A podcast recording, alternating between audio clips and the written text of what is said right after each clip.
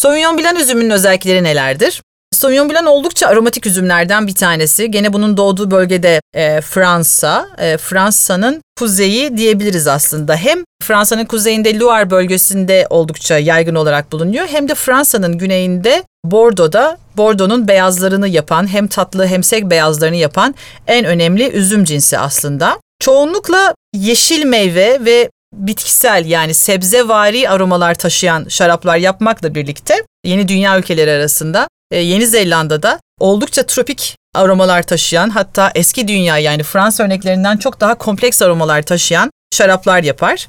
E, Fransa'nın Loire bölgesinde tek başına Valais Central denilen yani Central Valley denilen bölgede Sancerre ve Puy-Fumé iki komşu komünde birbirinden oldukça farklı stilde şaraplar yapar. Sancerre birazcık daha mineralsi, kireçsi. Puy-Fumé ise daha çakıl taşı ve benzeri aromalar taşıyan şaraplar yapar. Bordeaux'da ise pek tek başına kullanılmaz. Bordeaux'da Sauvignon Blanc Semillon üzümüyle birlikte kullanılır. Çok fazla meşe fıçıyla uyumlu üzümlerden bir tanesi değildir ama evet meşeli örnekleri de var. Özellikle Kaliforniya'da füme blanc denilen bir stil vardır.